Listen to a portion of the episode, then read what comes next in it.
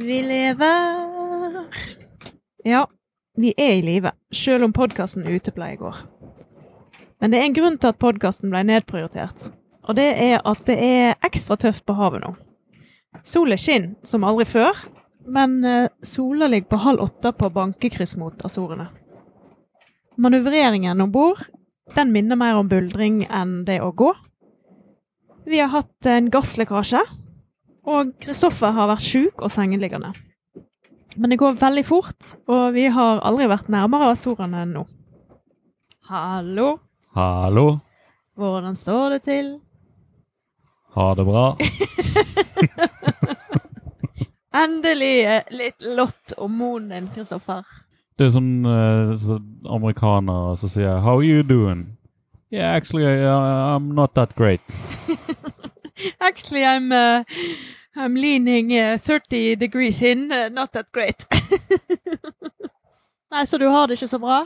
Ja, det er helt greit, men det kunne vært, eh, det kunne vært eh, litt mer nærmt OK pluss.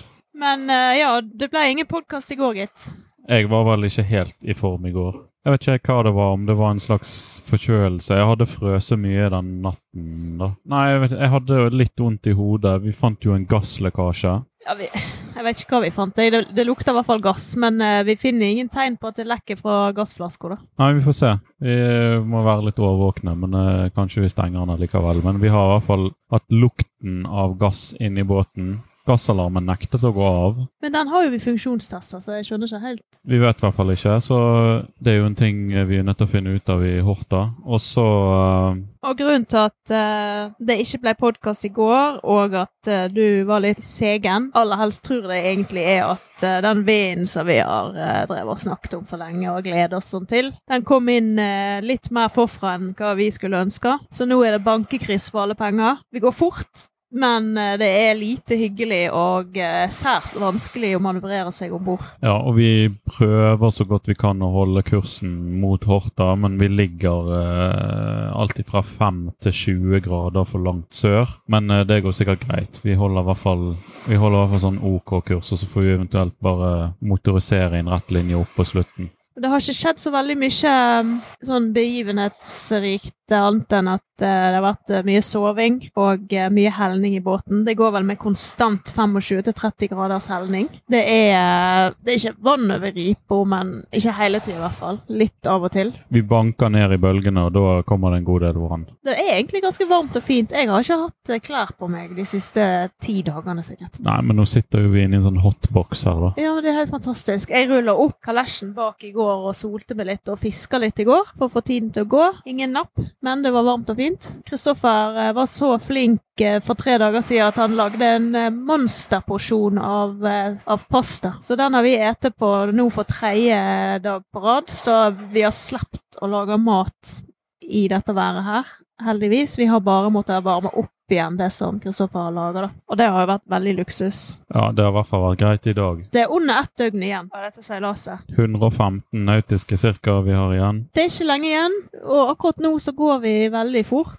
Under et døgn, det skal vi klare. Det betyr at vi kommer fram til Orta når det er lyst, og innsjekkskontoret åpent. Vi er i hvert fall i live, men at det ikke har skjedd så mye. Så kan jo vi ta opp det vi eh, snakket om å nevne, og det var jo hva gjør vi ved en eventuell skade på båten som gjør at vi tar inn vann? Et tilfelle der man kan ta inn vann, er jo at det lekker i gjennomføringene i båten. Så der har jo vi f.eks. en del treplugger sånn som vi kan slå i hvis det skulle skje et eller annet med en ventil som knekker eller sånne ting.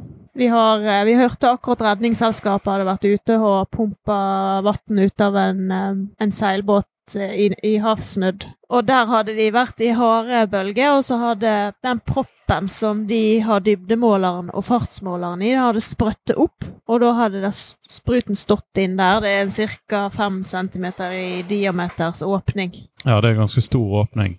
Vi, vi byttet faktisk den gjennomføringen før vi dro, fordi vi kjøpte en ny sånn eh, tridatasensor. Der har vi faktisk en ny gjennomføring, og den har en fungerende tilbakeslagsventil. Det vil lekke vann inn selv om den Det kommer mye, men det er ikke fem diameter søyle i full, full vigør. Nei, og så har vi dessuten en blindplugg liggende attmed der som vi kan eh, ta inn hvis det skulle skje noe med den eh, sensoren. Og så er det jo dette her hvis vi skulle kjørt i et eller annet og få høl i selve skroget, så kan jo du fortelle hva tiltak vi har da. Ja, nå er- jo det sånn at mest sannsynligvis så vil jo vi uh, treffe med baugen i en sånn tilfelle. Og på en måte forhåpentligvis kun ha vannlekkasje gjennom baugen. Det er i hvert fall ikke en vanntett uh, vegg. Men hvis vi lukker den døren til uh, soverommet eller forpiggen, så ser jeg at de listene rundt døren de er lagd på en sånn måte at når døren lukkes, så vil de listene ved press så vil de rett og slett låse døren fast eller kile den i posisjon. Og så er jo spørsmålet om veggen tåler eh, resten av vekten, men det vil lekke litt ut gjennom sidene der så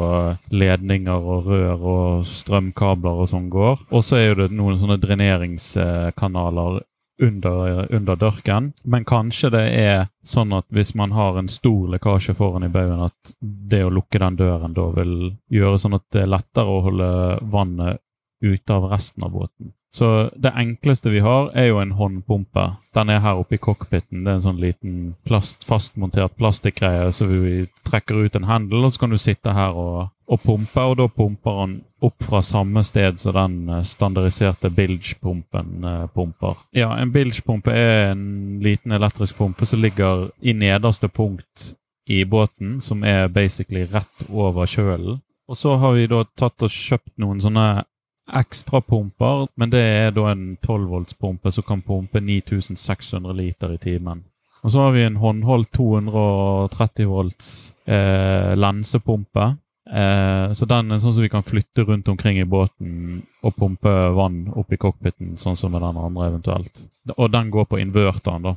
Så vi må naturlig nok starte motoren når vi kjører den, for å få nok strøm til å holde på. Men eh, det, det er nå i hvert fall ett hjelpemiddel. Og så er det en mulig, mulighet at hvis man har en alvorlig vannlekkasje, så kan man faktisk ta av saltvannsinntaket på dieselmotoren, og så kan man eh, stenge den eh, gjennomføringen, og så bare rett og slett suge saltvann fra innsiden av båten. Men da bør man egentlig ha klar en sånn strainer som du plugger på der, så ikke du drar med deg alt mulig skit og drit og ødelegger impeller og Men vi har jo litt eh, ting som vi kan eh, tette eventuelle lekkasjer med òg, Kristoffer. Ja, og det er jo litt sånn artig. Når vi la taket før vi skulle ut på denne turen her, så eh, lærte vi av disse håndverkerne våre at det er noe som heter Vakaflex.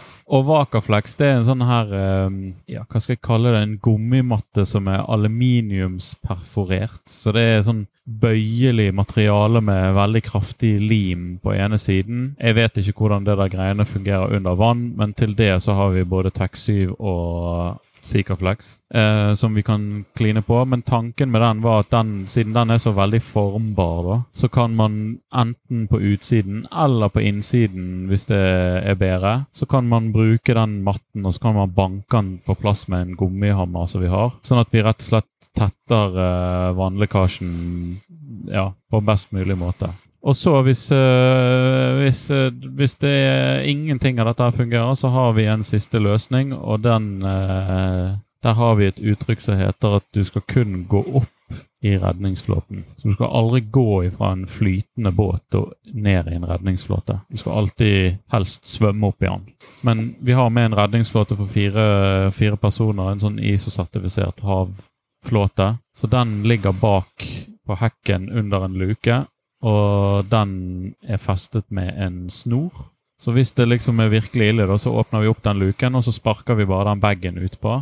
Og så skal den bare ligge uoppblåst bak båten, sånn at den ligger bare der og flyter. Og hvis da båten skulle synke, så vil den snoren dras ut, og til slutt når båten kommer eh, når, Hvis seilbåten er 50 meter under vann, så vil den være så stram at han utløser den flåten, og flåten kommer flytende opp igjen. Så dersom den, den redningsflåten ligger, så ligger det òg en sånn grab bag som er klar. Så vi skal grabbe med oss ut i den redningsflåten. Der er det vel eh, bitte litt eh, snacks som du har lagt oppi, bare sånn for å, så vi skal kose oss med hvis det er lørdag. En, det er en del energibarer der, og så en del iste. Og så er det òg eh, litt nødbluss. Ja, forskjellige typer nødbluss. Vi har sånn eh, rød teppe tepperøyk som du hiver på vannet, som lager et svært teppe med rød røyk, som skal være lett for fly og sånn å se. Og så har vi de velkjente fallskjermnødblussene som du skyter opp, som daler ned sakte. Og så har vi sånne glow sticks. Sånne pinner som du veiver med, med fosfor som brenner. Ja, så vi har jo en eh, slags plan eh, klar, da. Om det blir like lett å utføre det når eh, uhellet er ute, det tviler jeg på. Men det er viktig å i hvert fall ha et eller annet innabords som, som kan hjelpe deg litt. Og så er det viktig å vite hvor disse tingene er, og egentlig å ha tenkt gjennom, sånn som vi gjør nå, hva vi skal gjøre i hvilke situasjoner. Ja, vi har jo en ting til. det Vi har nevnt den før, men det er jo den e-pirben som står i trappeoppgangen på vei opp i cockpiten. Og Den skal jo da også, hvis du eventuelt ender Den kan du hive uti med en gang du har nød. da. Ikke pan-pan, men hvis du har en mayday-melding ute og går, da kan du ta og hive den uti. Og den har et sånt armbånd så du enten kan feste rundt armen, eller du kan feste den til ting. F.eks. redningsflåten. Så drar du ut antennen, trykker på armeringen, eller bare kaster den ut i vannet, så skal den armere seg sjøl etter hvert men den sender da ut to signaler. Han sender ett eh, på samme VF, eh, eller frekvensen til VF-radioen, tror jeg. Og så sender han en på GPS. Så uansett hvor du er i verden, hvis du utløser den der, så vil noen redningssentraler rundt i verden få beskjed på det. I vårt tilfelle så er det britisk redningstjeneste som vil, oppda eller som vil starte et søk. Der fikk vi vann over ripa. Og i halve seilet. Seilet nede i sjøen. Ellers, det er varmt og fint. Jeg har ikke bukser på, du har ikke genser på. Sammen så har vi ett sett med klær på. Og planen for i kveld er egentlig bare å prøve å holde farten så godt vi kan, så lenge vi kan. Vi veit at vinden skal dø litt ned. Da er det på med motoren og kanskje justere kursen litt bedre inn mot Horta. Og så håper jeg at vi er framme der i morgen klokka fire. Så det var det. Gikk fort og smertefritt, dette her, Kristoffer. Jeg hadde håpet på tolv dager overfart, mens det gikk 17 dager. Det er ikke så verst tippa. Hvordan er det inni hodet ditt? Sliten. Hjelper det ikke med podkast? nei. Ja, nei, det skal bli godt å komme fram. Da får vi bare takke for oss. Tusen takk for oss. Ha det bra. Ohoi.